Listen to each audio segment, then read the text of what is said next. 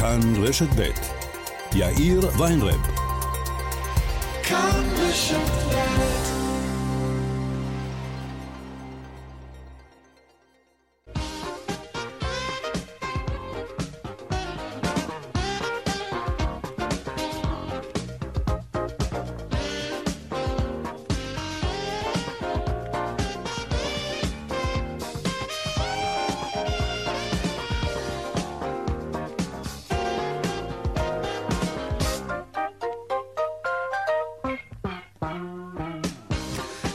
קצת אחרי ארבע ועוד חמש דקות כאן צבע הכסף ברשת ב', יום ראשון, שלום רב לכם, שבוע טוב, העורך רונן פולק, בהפקה קובי זרח, טכנאי השידור שלנו היום הוא אריאל מור. הדועל של צבע הכסף הוא כסף כרוכית כאן.org.il. אני יאיר ויינרב, מעכשיו עד חמש, אנחנו מיד מתחילים.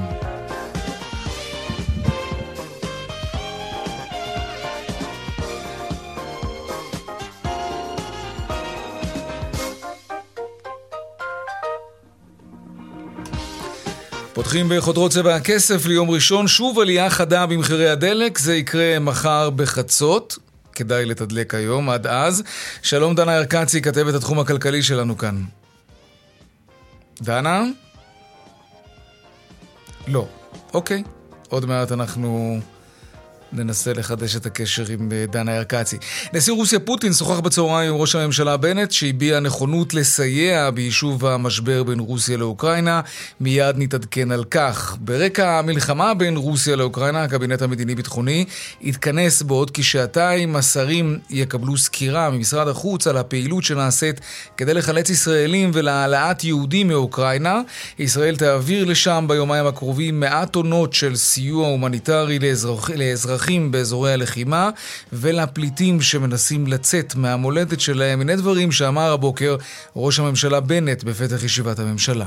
ביומיים הקרובים יגיע לאוקראינה מטוס ועליו 100 טון ציוד הומניטרי ישראלי לאזרחים שנמצאים גם באזורי הקרב ולאלה שמנסים לצאת. ערכות לטיהור מים, ציוד רפואי ותרופות, וגם אוהלים, שמיכות, שקי שינה וציוד נוסף שיכול לסייע לאזרחים שנמצאים מחוץ לביתם אה, במזג אוויר אה, חורפי וקר. כן, עכשיו דנה ירקצי כתבת התחום הכלכלי שלנו, שלום. שלום יאיר. כן, בחצות עלייה חדה במחירי הדלק. כן, נכון. אה, אז מחירי הדלק, אנחנו מגיעים לשיא נוסף במחירי הדלק, עלייה של 34 אגורות, חוצה את רף השבעה שקלים, שבעה שקלים וחמש אגורות לאוקטן 95 אה, במשרד האנרגיה מסבירים את העלייה הזאת אה, גם בשל המתיחות בין אוקראינה אה, ורוסיה שהביאה לכך שחבית נפט חצתה את מחיר המאה כן. דולרים ולמרות שהייתה התמתנות במחיר הזה בסוף השבוע עדיין המחיר חצה את הרף של 90 דולרים ובשל כך מסבירים את אה, העלייה הזאת, הם גם מדברים על עליית אה, הדולר וגם מדברים על כך שה... שהלקוחות עצמם בתחנות הדלק צריכים להיות ערניים ולהשוות mm-hmm. בין המחירים השונים, כן. וזאת כרגע תמונת המצב, עלייה נוספת במחירי הדלק, שיא מאז שנת 2000.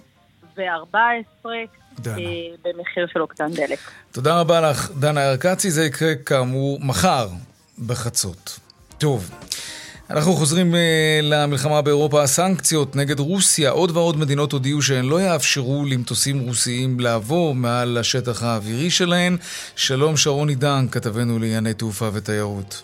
כן, שלום אה, יאיר. תראה, בהמשך לאותם דיונים באיחוד האירופי לגבי סגירת שמי האיחוד לחברות התעופה הרוסיות, אה, בהנחה ובאמת ההחלטה הזאת תתקבל, מה שצפוי כנראה לקרות, צריך לקחת בחשבון שזה גם עלול להשפיע כמובן על טיסות של חברות רוסיות אה, מהאזור שלנו, משום שישראל גם היא כפופה כמובן ל Eurocontrol.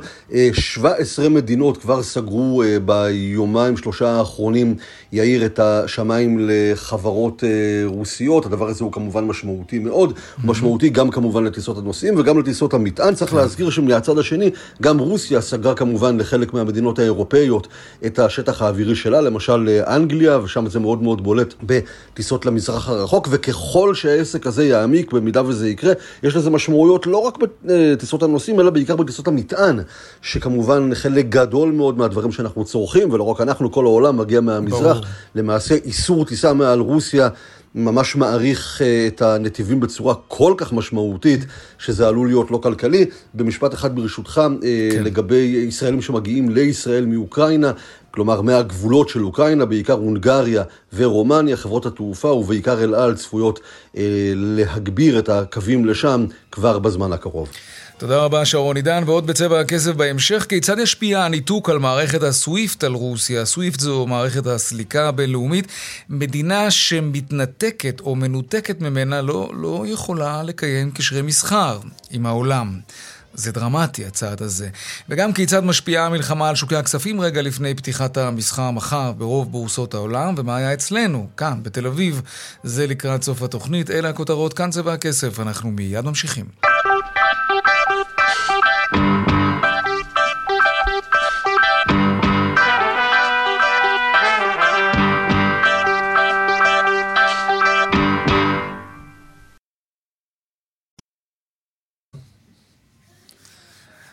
וכאן גם צבע הכסף, אנחנו מתחילים עם המלחמה באירופה. ראש עיריית קייב אומר שאין בעיר הבירה כוחות רוסיים.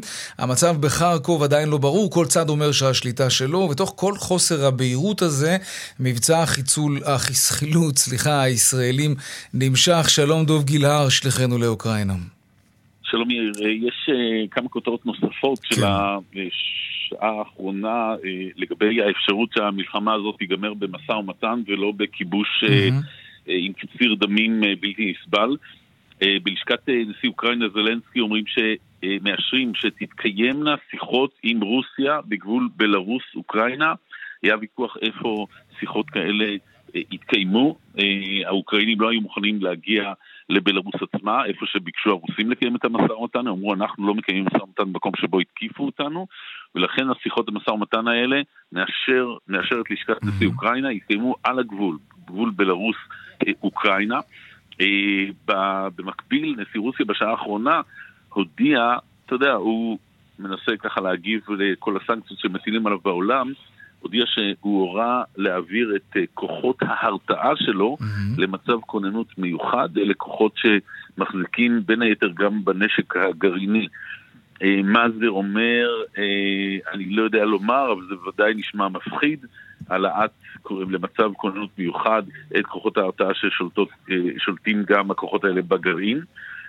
אה, לפחות חמישה, חמש עשרה מדינות אירופיות הודיעו על סגירת המרחב האווירי שלהם בפני מטוסים וחברות תעופה מרוסיה, אה, וזה עוד דרך של המערב לומר אה, לוולדימיר פוטין שמה שהוא עושה לא מקובל. אם תרצה לשמוע מה קורה כאן בקייב, כן. החדשות המרכזיות הן מה שאין. מה שאין זה אין טנקים רוסים. למרות שאנחנו כבר כמה ימים חוששים או חוזים או אה, אה, סבורים שהטנקים של, אה, של פוטין יגיעו לכאן, כי זה רק עניין של זמן כמובן, וכביכול צבא הרבה יותר גדול ומצויד, והם לא הגיעו. איפה הם נעצרו? הם נעצרו כנראה משהו כמו 30-40 קילומטר מהעיר. הטענה, כמו שאמרת, של ראש עיריית קייב, שאין לחימה, הכוחות הרוסים לא לוחמים. וזה חלק מהמוטיבציה האדירה שהתעוררה פה אה, האמונה בצדקת הדרך, הגיוס הכללי, גם. של הצבא האוקראיני, גם של אזרחים שהתחמשו בעשרות אלפי כלי נשק ובקבוקי מולוטוב, ראינו תדרוכים בטלוויזיה של איך מכינים בקבוקי מולוטוב, ויצאו אל אה, אה, נקודות החיכוך עם הצבא הרוסי כדי לעצור אותו. אז נכון שבחרקיב אה, יש טענות הדדיות של כיבוש חלקי, אה, או לא חלקי של העיר הגדולה הזאת, השנייה בגודלה באוקראינה, אבל כאן בקייב אין טנקים. וטוב שכך. דוב גילר, שליחנו לאוקראינה, תודה רבה. בשמחה. אנחנו ממשיכים בעניין הזה. שלום, אה, כתבת חדשות החוץ שלנו, מיכל רשף. שלום יאיר, אז בוא נוסיף אולי עוד כמה כן. פרטים כן. על uh, אותו סיפור של uh, משא ומתן uh, עם בלרוס. במשך uh, כמה ימים אנחנו כבר שומעים את ההצעה הזאת מצד הרוסים. צריך להזכיר, מי שאפשרו לרוסים להתפרץ בשטחם, כי בלרוס, בגבול הצפוני של אוקראינה, היו גם דיווחים על חיילים בלרוסים שהצטרפו לחיילים הרוסים mm-hmm. בכניסה לאוקראינה, ולכן אוקראינה דוחה, כבר דחתה כמה פעמים את ההצעה שבלרוס תהיה המתווכת. אמ, אבל ממש לפני uh, כשעה, סוכנות הידיעות הרוסית ריה אומרת שאוקראינה הסכימה לקיים שיחות אה, בבלארוס, וגם... למרות שזה אדמת אה, בלארוס, כי היום זלנסקי אמר מוקדם יותר, יש הרבה מקומות אחרים שמשם לא תוקפים את אוקראינה, אז למה להגיע לשם? בדיוק, היו הצעות כן. למשא ומתן, גם uh, מצד אזרבייג'אן, מצד טורקיה, כלומר יש מדינות שהן טיפה יותר ניטרליות בסכסוך הזה mm-hmm. מאשר בלארוס. אבל בכל זאת האוקראינים מסכימים לשיחות שם, כשנשיא בלארוס אלכסנדר לוקשנקו מתחייב מהצד שלו אה, לקרקע את כל המטוסים, מסוקים, טילים שמוצבים אה, בשטחו, והשיחות הללו אמורות להיות שיחות ישירות שהתקיימו בפרפיאט, העיר הנטושה שצמודה לצ'רנוביל. זה אותו אומר שלא תהיה לחימה? אותו אה, ש, שכבר נכבש על ידי הרוסים בימים האחרונים. כל עוד מדברים לא יורים, זה, זה, זה, זה תנאי לקיום השיחות האלה, שאין קשר בין שני הדברים? זה תנאי מצד הרוסים, מצד הרוסים הוא תנאי מוקדם לכניסה למשא ומתן הזה, שאוקראינה תניח את הנשק. עכשיו, אוקראינה לא הסכימה לתנאי, לתנאים מוקדמים, אז צריך לראות בדיוק את הפרטים, אה, הדיווחים הללו יוצאים ממש אה, ככה בשעה האחרונה, צריך לראות בדיוק את הפרטים okay. אה, של אוקיי. המשא ומתן הזה, אבל כרגע, באמת, אני חייבת לדעת, שביב תקווה, האם זה יסתיים אכן בשיחות. בהחלט. כמובן דבר okay. אוקיי. חיובי. Uh, בקצרה לסיום, מה בעניין הניתוק uh, מהסוויפט? הושגה הסכמה עקרונית בין המעצמות לנתק את רוסיה ממערכת הסליקה הבינלאומית. זה עניין דרמטי, כן. איפה זה עומד? נכון, אז תראה, באמת בימים האחרונים ראינו שהמכשולים, uh, היו מכשולים ל... למהלך הזה, לא הייתה הסכמה מצד הונגריה, אחר כך גם, אם אני זוכרת נכון, יוון ככה עשתה, נכון, כן. בדיוק. בסופו של דבר, הכשלים הללו הוסרו, ומדינות האיחוד האירופי מסכימות להוציא כמה בנקים, לא את כולם, לא באופן גורף כמו שהיה עם, עם טהרן לפני אה, כמה שנים, אלא כמה בנקים ממערכת הסליקה הבנקאית סוויפט. Mm-hmm. זה מהלך שבאמת לקח להם הרבה זמן לעשות, הוא היה, ככה נראה, הגבול האחרון אה, פחות כן, טוב, מיכל, אנחנו קצת מתקשים לשמוע אותך, ענייני קליטה, אבל הדברים ברורים. מיכל רשף, כתבת חדשות החוץ שלנו, תודה רבה. תודה, חברים. טוב, עכשיו לראש הממשלה בנט, ששוחח בצהריים עם נשיא רוסיה פוטין, וגורם מדיני בירושלים אומר שבנט הביע נכונות לסייע ביישוב המשבר עם אוקראינה. שלום גילי כהן, כתבתנו המדינית. שלום. את חשפת את ההצעה של זלנסקי שישראל תתווך. מה, מה אמר על זה פוטין, אנחנו כבר יודעים? אנחנו יודעים בקווים כלליים, בהתאם להודעות שיצאו גם מהקרמלין וגם אה, מי שנגדיר אותו כגורם מדיני, אה, שפוטין אה, לא התנגד בצורה נחרצת, אבל עצם ההצעה הועלתה במהלך שיחה, כאשר פוטין אומר שהוא מוכן למשא ומתן, ואז ראש הממשלה בנט אמר והציע את שירותי התיווך שלו, תחת הנימוק שישראל נהנית ממעמד מיוחד בעבור שתי המדינות, וזוכה לאוזן קשבת גם מרוסיה וגם מאוקראינה.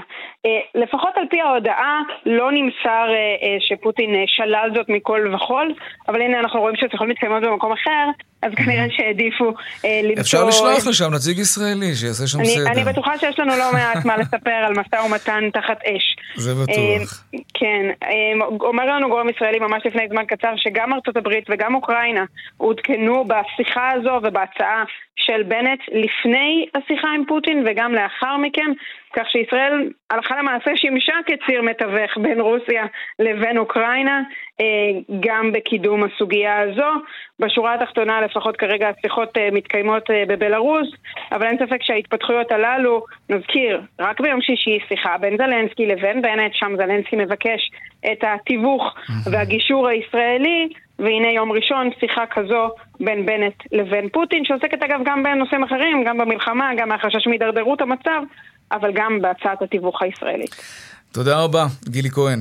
תודה. עכשיו נדבר על הסוויפט, על מערכת הסליקה הבינלאומית, זו שהמערב איים לנתק ממנו את רוסיה, אם זאת העז לתקוף את אוקראינה, אבל אה, היא עדיין מחוברת למערכת הזאת, למרות שהאוקראינים במקלטים. שלום אליס אה, ברזיס, פרופסור לכלכלה באוניברסיטת בר אילן וראש מרכז עזריאלי למדיניות כלכלית, שלום לך. שלום.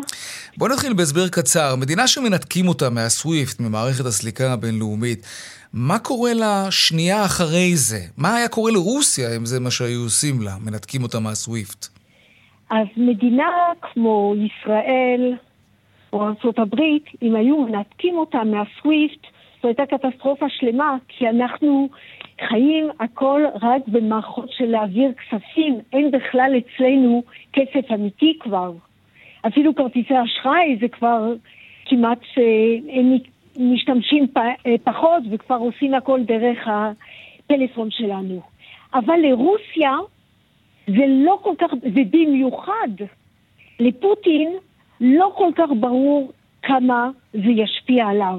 אבל יש משהו שהם החליטו... את מדברת עליו ספציפית. עליו ספציפית. פחות מעניין, ו... כי הלחץ יכול לבוא מהעם. מה זה היה עושה לתעשיינים הרוסים, ליבואנים, ליצואנים? אז בואו נדבר מי באמת מסביבו. קודם כל, הכלכלה הרוסית היא לא כלכלה מאוד מתוחכמת. Mm-hmm. היא כלכלה במיוחד של חקלאות, נפט וגז. לכן יש לך פה כוח בידיים מועטות, וצריך לדבר בדיוק על מה שמאוד חשוב, שזה האליטה מסביבו. האוליגרכים. שזה האוליגרכים. כן. ואוליגרכים, פה אפשר באמת לפגוע בהם. כי הם אוהבים להיות ברוסיה, כמו פוטין, אבל להיות במיוחד מחוץ לרוסיה. נכון. והם מסתובבים בעולם. והם יכולים להיות דווקא החלק המשפיע, שאפשר להשפיע על פוטין, עליו באמצעותם. ביותר. Mm-hmm. בדיוק. אוקיי. Okay. אבל תראי, אה, אפשר, את יודעת, להרים טלפון לספק, או גם אם מדובר באוליגרך, יש לו אנשים שעושים את העבודה בשבילו. אה, גם אם אוליגרך רוצה לבצע איזושהי עסקה. והוא צריך לעשות, לבצע העברה של, לא יודע מה, 100 מיליון דולר, והוא לא יכול לעשות את זה באמצעות הסוויפט, לצורך העניין. אבל כדי שהצד השני יקבל ערבויות שהכסף אכן נמצא, אפשר גם לעשות את זה במייל, אפשר לעשות את זה בשיחת טלפון. אז זה לא בשבריר שנייה, כמו במערכת הדיגיטלית, אבל זה לא באמת היה מונע מאוליגרכים לעשות עסקאות, עצם לא. הניתוק מהסוויפט. לא, מדברים פה לחסום את הנכסים שלהם ולשים את היד, זה שונה לגמרי. Mm-hmm. זאת אומרת, ולא רק זה, הם יהיו פרסונה נון גרטה. אפשר לומר להם... זה משהו אחר, כן. בדיוק, על זה מדובר. לא, ולכן אתה צודק, על הסוויפט זה באמת משהו חשוב, אבל זה היה פוגע מאוד במדינות אה, שיש להם כלכלה הרבה יותר מפותחת. Mm-hmm. אתה רואה טוב טוב שברוסיה הדבר הראשון שהם עושים זה ללכת לקחת אה, מזומן. הם הרבה עובדים עוד עם מזומן, ולכן אה, זה אקט יפה מאוד, זה אקט חשוב, זה אקט שברור שלזמן הארוך פוגע בצורה רצינית. אבל כאן כנראה שאנחנו לא מדברים על משהו מאוד ארוך. בזמן הקצר. הדרך הטובה ביותר היא באמת גם ההשפעה של הטיסות, שזה אקט שאתה רואה מיידית, ושתיים, לומר לאוליגרכים, אתם לא בסכנה כן. במערב. Mm-hmm. וזאת היא השפעה. אוקיי, לאוליגרכים האלה יש הרבה אינטרסים בהרבה מאוד מדינות אחרות, אבל גם לאותן מדינות יש אינטרסים אצל האוליגרכים האלה שמגלגלים הרבה מאוד כסף. אז גם לעולם בעצם יש מה להפסיד ממהלך כזה, לא? אתה צודק לגמרי, אבל כנראה שמפעם לפעם המערב, שאנחנו כבר חשבנו שיש לו רק אינטרסים ואין לו ערכים, mm-hmm. כאן אתה רואה שהעם האירופאי מתעורר ואומר, אנחנו אפילו מוכנים קצת לסבול, אנחנו מוכנים שמחיר הנפט יעלה, אנחנו מוכנים אולי ש... אה, שרומן אברמוביץ' לא יעמוד בראש צ'לסי, כן, אוקיי, סתם. בדיוק, זה משהו נכון, זה משהו לזמן מאוד מאוד קצר, אבל אם ישימו את כל הנכסים שלו עם זכוכית מגדלת ויראו בדיוק מאיפה זה בא ויאמרו אתה לא תוכל להגיע, זו תהיה כבר בעיה אחרת לגמרי. אבל השאלה אם באמת פוטין מושפע מאותם אוליגרכים. הרי אה, כן.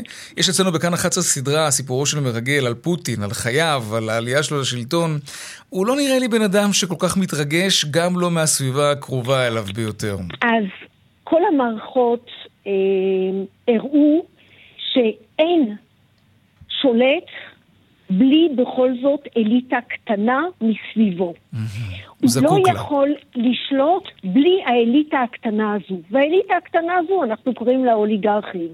הוא לא יוכל אה, לצפצף עליהם למשך הרבה זמן. זה נכון שהוא שולט והוא הדספוט שם, אבל בכל זאת, על מדינה אתה חייב שתהיה אליטה. וכאשר האליטה לא אוהבת את המצב, בדרך כלל קורה משהו.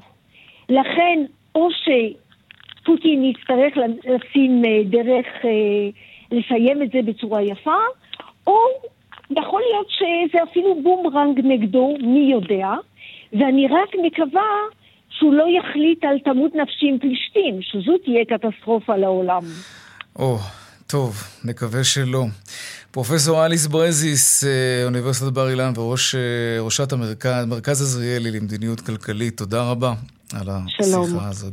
להתראות. טוב, המלחמה באירופה משבשת את קווי האספקה של חומרי גלם שבאים מאוקראינה. אה, על מה בדיוק מדובר?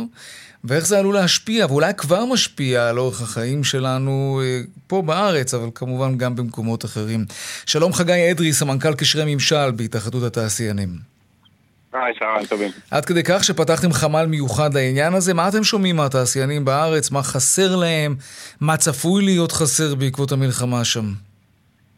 כן, תראה, פתחנו חדר מצב לא, לא היום, פתחנו אותו כבר לפני שבועיים, פחות או כן. יותר. אה, בעקבות התחממות העניינים ובעיה שהשפיעה בהתחלה בעיקר על ענף ההייטק שהעסיק ב outsource הרבה מאוד, אה, קרוב ל-20 אלף עובדים באוקראינה. Mm-hmm. בשלב הראשון באמת המענה התרכז ב- בלספק מקומות בטוחים לאותם עובדים בשביל לשמור על הרציפות של העבודה שלהם, שיוכלו להמשיך אה, לפעול לחברות הישראליות. רגע, מה זה אומר לספק להם מקומות בטוחים? אתם...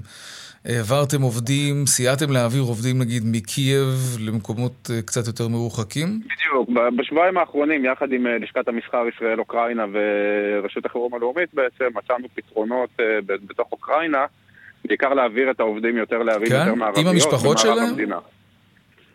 אני לא יודע להגיד לך אם המשפחות עברו או לא עברו בכל כמה המקרים, עובדים? חלק מהמקרים עברו, אנחנו מדברים על אה, אלפי עובדים ש, שנעזרו בזה בתחילת הדרך, והיום אנחנו כבר במצב אחר, שאני מניח שהעובדים צריכים, אה, חלקם אולי גם לצאת מאוקראינה.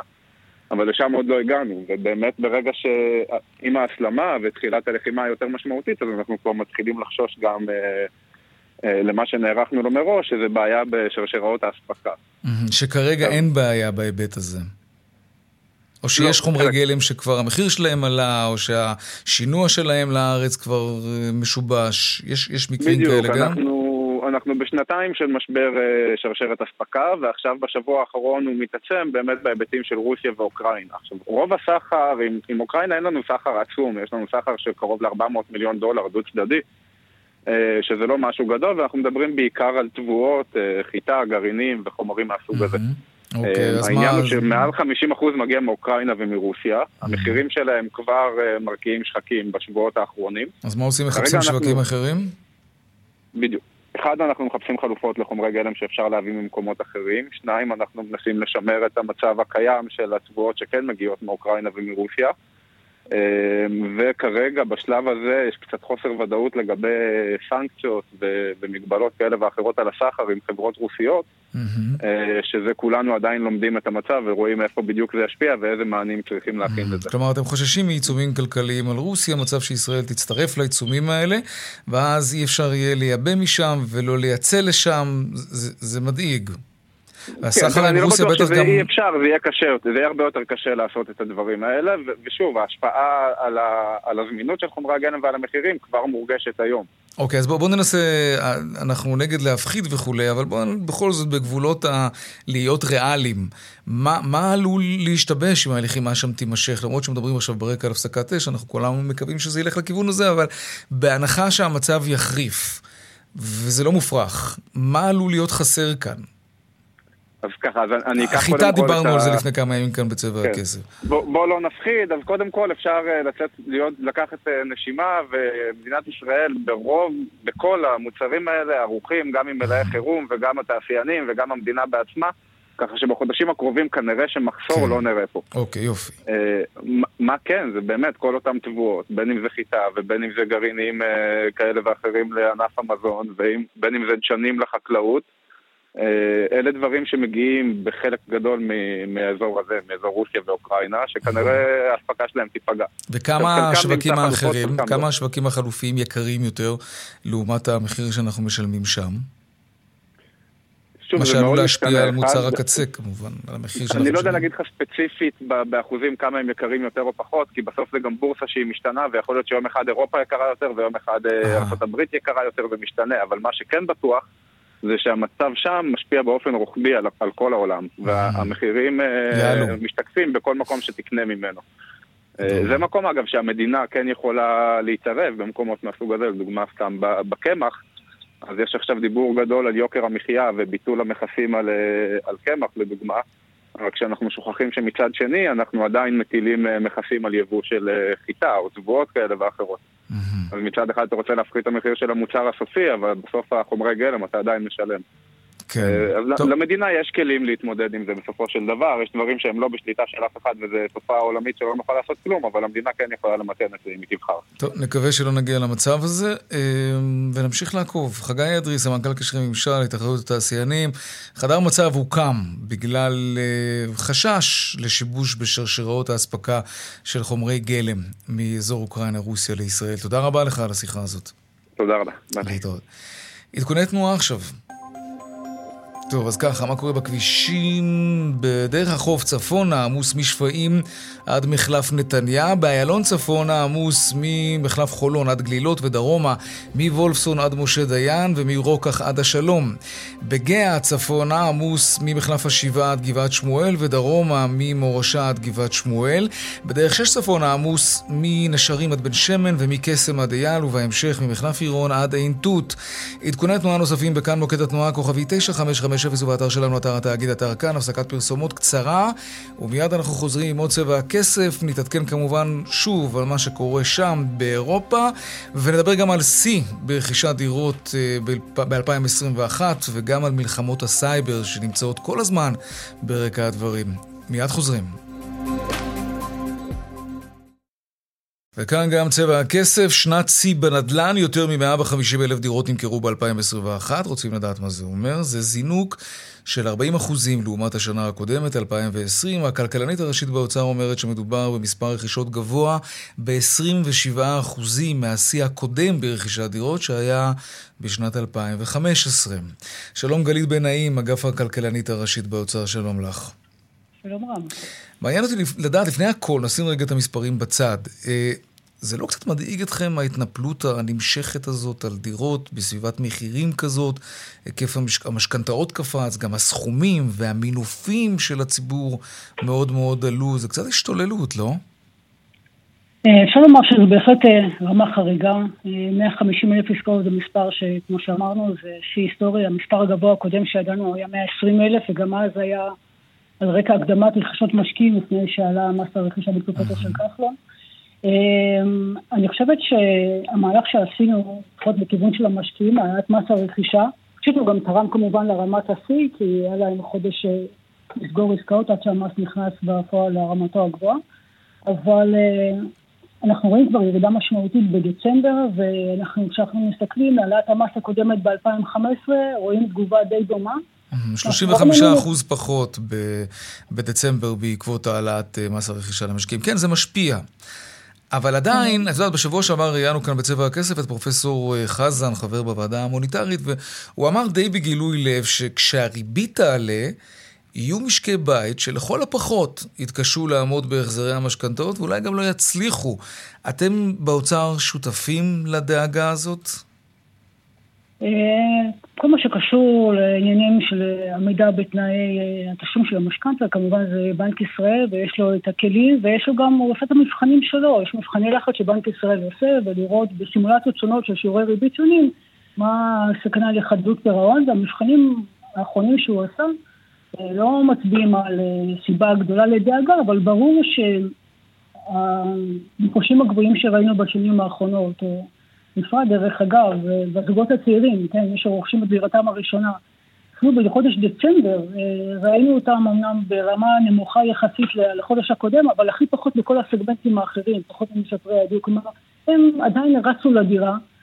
אה, אז יכול להיות שהם צריכים לעשות, מי שעדיין לא קנה את דירתו, כן, לקחת גם בחשבון שהריבית היא כנראה בתוואי של עלייה, ולהסתכל על התמונה המלאה, משכנתה לזה 20 שנה, ולחשוב באמת על היכולת שלהם לעמוד בהחזרים, ומה שקשור ליכולת שלהם להחזיר, זה כמובן הבנקים עושים את הבדיקות האלה בעצמם, וזו האחריות שלהם. כן, זה נכון, למרות שמבחינת הבנק זה ההלוואה הכי בטוחה בעולם. אם הלווה לא יכול לחזור, להחזיר את ההלוואה, אז, אז, אז יש להם נכס. ואז זה פחות בעיה מבחינת הבנק, זה יותר בעיה מבחינת הציבור. אבל זה נכון, את צודקת, לבנק ישראל באמת יש את הכלים שלו, שבראש ובראשונה זה כמובן הריבית, ואם הריבית תעלה, אז אפשר יהיה לצנן את הביקושים. אבל גם לכם, באוצר, יש כלים שלכם כדי לצנן את הביקושים לנדל"ן. אז, אז הזכרת באמת קודם את מה שעשיתם לגבי המשקיעים. מה עוד אפשר לעשות כדי קצת, קצת להרגיע?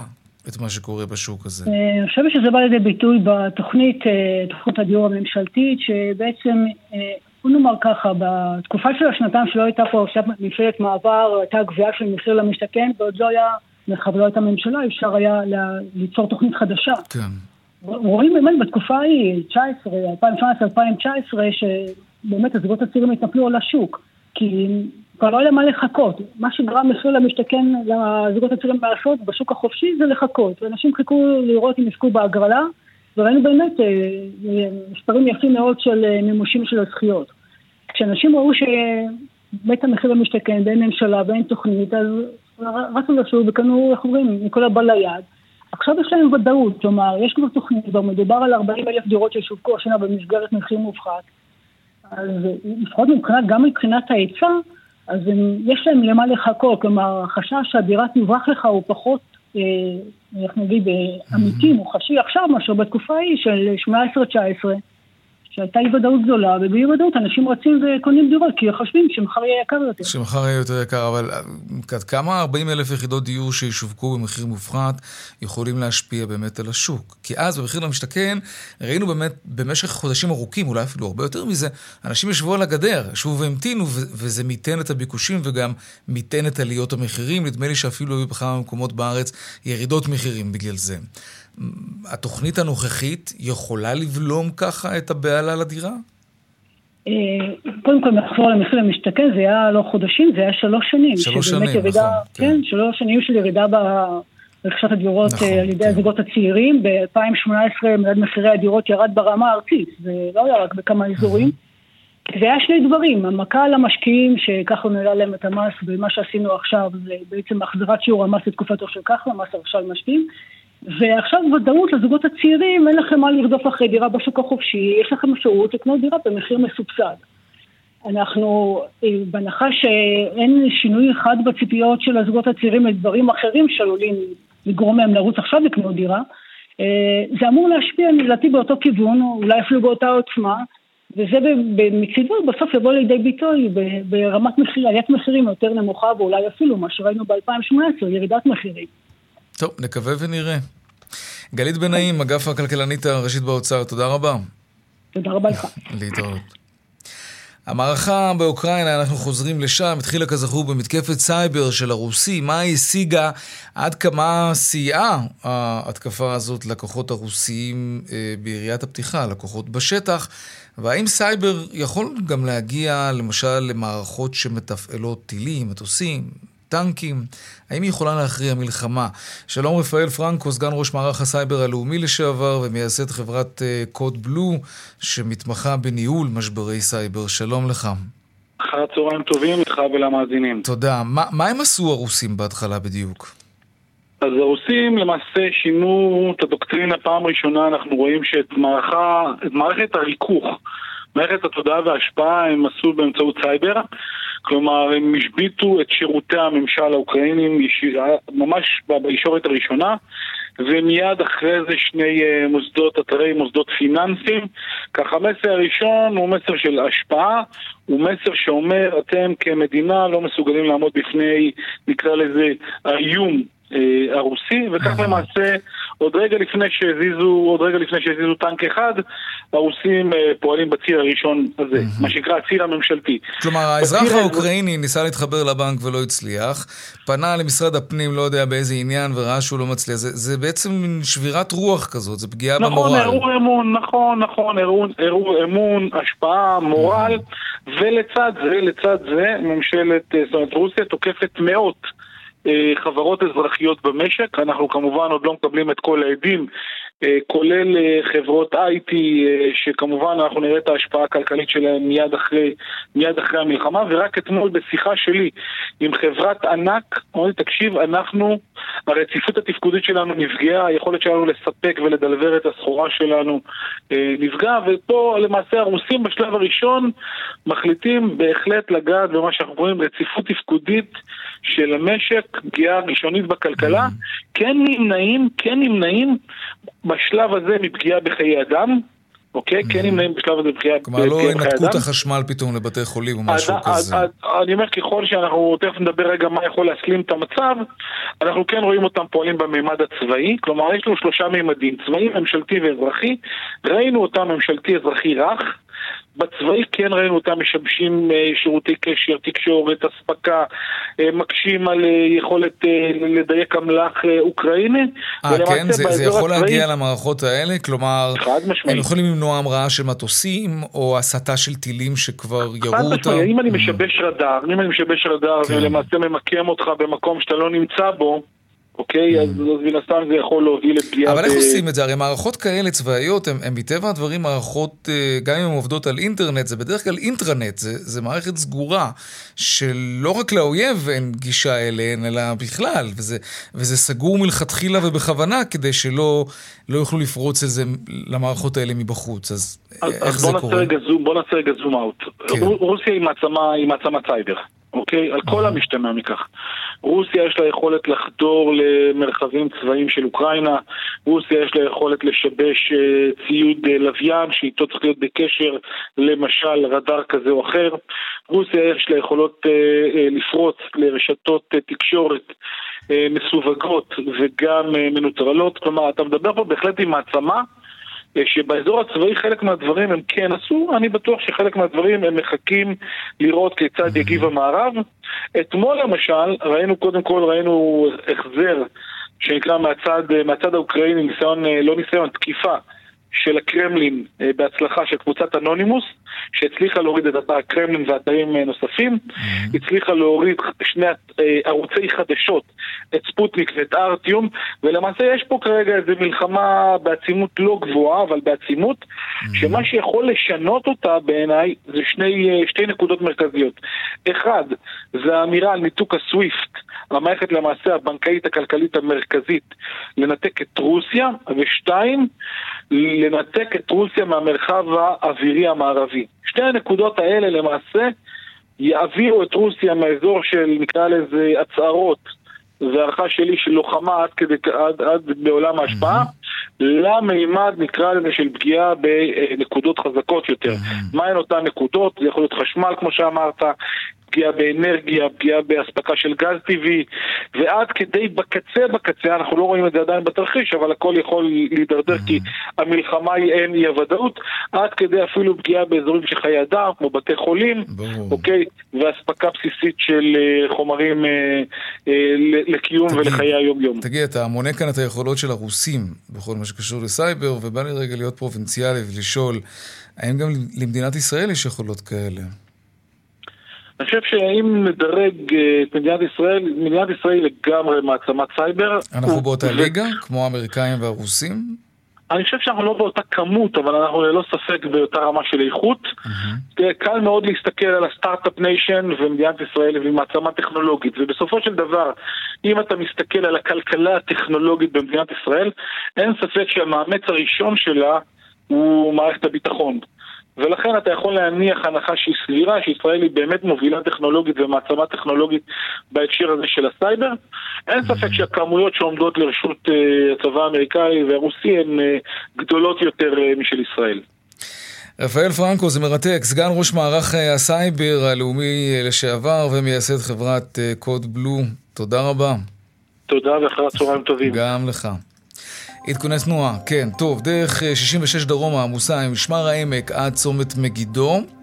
דרך 444 לכיוון צפון עמוסה מצומת אייל עד צור יצחק, ודרך אשקול, אשקלון אשדוד עמוסה מניצנים עד uh, מחלף עד הלום, ודרומה ממחלף אשדוד גם עד למחלף עד הלום.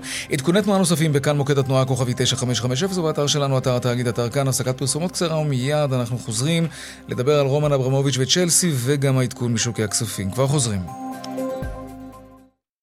וכאן גם צבע הכסף. למלחמה בין רוסיה לאוקראינה יש uh, גם השלכות דרמטיות ביותר על עולם הספורט, גם מההיבט הספורטיבי-תחרותי, אבל גם בהיבט הכלכלי. יואב בורוביץ', עורך uh, ראש תחום הספורט שלנו, שלום. שלום יאיר. נתחיל uh, אולי עם העזיבה הדרמטית כל כך של רומן אברמוביץ', ספר לנו. בהחלט, רומן אברמוביץ', אתה יודע... רגע, משהו במיקרופון שלך. רגע, מיקרופון חמש זה. כן? סבבה, כן. אוקיי, אז רומן אברמוביץ' באמת מזוהה ב-20 שנה האחרונות, אתה יודע, אוליגרך הרוסי, יהודי, ישראלי אפילו, אבל מזוהה באופן טוטאלי עם מועדון הכדורגל צ'לסי, mm-hmm. שאותו רכש לפני 19-20 שנה. המיליארדר הזה השקיע מיליארדים בצ'לסי, הפך את המועדון הזה ממועדון בינוני, קטן בלונדון, לאחד המועדונים הגדולים והמצליחים בעולם. צ'לסי עכשיו היא אלופת ליגת האלופות, אתה יודע, אלופת העולם למועדונים, לקחו הרבה מאוד אליפויות האנגליה. זה עלה לו מיליארדים, אבל זה היה שווה לו, כי זה נתן לו לגיטימציה אדירה, והפך אותו באמת לאחד האוליגרכים, המיליארדרים המפורסמים בעולם.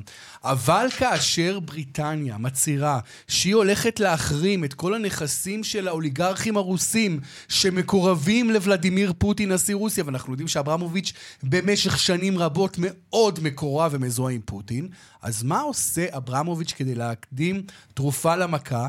הוא אומר, זהו, אני משחרר את צ'לסי, mm. אני נותן אותה לנאמנות. עכשיו זה דבר מאוד... הוא ממש הרגיש שזה עלול להגיע אליו. כן, כשיחרימו לו את צ'לסי. כן. עכשיו, גם אסור לרומן אברמוביץ', גם אסור לו לחיות בלונדון, איפה שהוא היה חי עם משפחתו כל כך הרבה שנים. כלומר, החרמות מאוד משמעותיים. עכשיו, צ'לסי, בלי הכסף של אברמוביץ', מה היא שווה? אה, זה משהו אחר לגמרי. Mm. עכשיו לא מדובר רק על... אנחנו מתחילים עם רומן אברמוביץ', אבל כל הקבוצות הרוסיות בכדורסל לא יכולות לשחק ביורוליג. אתמול כוכב העל של צייסקה מוסקבה, האגדית, קבוצה שמזוהה עם הצבא האדום, שנגליה הגרוזיני, הגיאורגי, mm-hmm. אומר, אני יותר לא רוצה לשחק בצ'ייסקה, אחרי זה הסוכן שלו מכחיש, אבל עדיין הוא העלה ברשתות החברות, אה, החברתיות את דגל אוקראינה, אומר, נשבר לי הלב. עכשיו, מעבר לכך, פדור סמולוב, חלוץ נבחרת רוסיה, רוסי אמיתי, מדינה ממוסקבה, אומר, הלב שלי עם אוקראינה, בבקשה להפסיק את המלחמה הזו. כלומר, אנחנו רואים כבר רוסים יוצאים מפורסמים, מייצגים את המדינה בנבחרות הלאומיות, הולכים נגד המדינה, נגד פוטין. עכשיו, מעבר לכך, רוסיה יכולה להשתתף במונדיאל בקטאר. אתה יודע, מונדיאל בקטאר זה אחד הדברים הכי הכי גדולים לציבור במדינה, אחת לארבע שנים. עכשיו, בעוד חודש אמורים להיות משחקים במוסקבה נגד נבחרת פולין, אולי אחרי זה נגד צ'כיה ושוודיה. אז בהתחלה, צ'כיה, שוודיה ופולין אומרות, אנחנו לא נגיע למוסקבה. אבל עכשיו זה יותר חמור, הן אומרות, אנחנו לא נשחק נגד רוסיה, לא משנה איפה. כן. כלומר, באמת רואים השלכות סופר דרמטיות בעולם הספורט, אולי אפילו יותר מאשר בתחומים אחרים. השאלה עד כמה תהיה לזה כמובן השפעה על פוטין, כי הכל מתחיל ונגמר אצל האיש הזה. יואב בורוביץ', ראש תחום הספורט שלנו, תודה רבה. תודה, יאיר. להתראות. עכשיו לעדכון משוקי הכספים.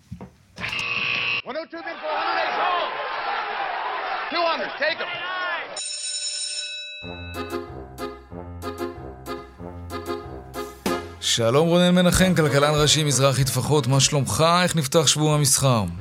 שלום יאיר, אני חשבתי שאם זה לא יעזור, אז אולי ההוצאה של אה, רוסיה מהאירוויזיון אה, תעשה משהו. אולי, לך תדע. יכול להיות. בכל מקרה, היום זה יום ירוק בבורסה בתל אביב, כצפוי, אה, תל אביב 35 עלה אחוז אחד ב-75 מאיות, בתל אביב 90 מוסיף אחוז אחד בשש עשיריות לשוויו. מבחינת סקטורים בלטו לטובה, ענף הקלינטק עם הגעה של כמעט 6 אחוזים, תשתיות ואנרגיה עם 4.5 אחוזים, בבנייה עם כ-4 אחוזים. אין למעשה אף ענף שירד היום.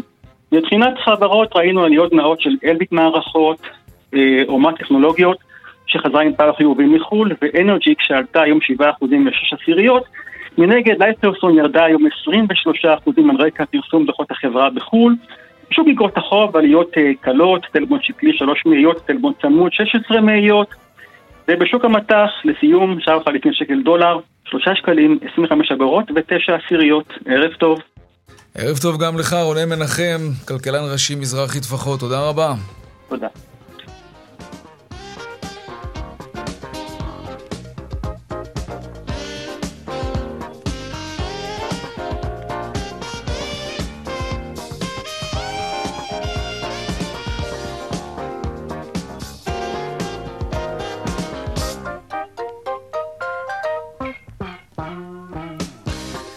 כאן צבע הכסף ליום ראשון העורך רונן פולק, בהפקה קובי זרח, טכנה השידור אריאל מור, במוקד התנועה חגית אלחייני, הדואל שלנו הוא כסף, כרוכית, כאן.org.il, מיד אחרינו שלי וגואטה, אני יאיר ויינרי, משתמע כאן שוב מחר, בארבעה אחר הצהריים, ערב טוב ושקט, שיהיה לנו שבוע טוב, שלום שלום.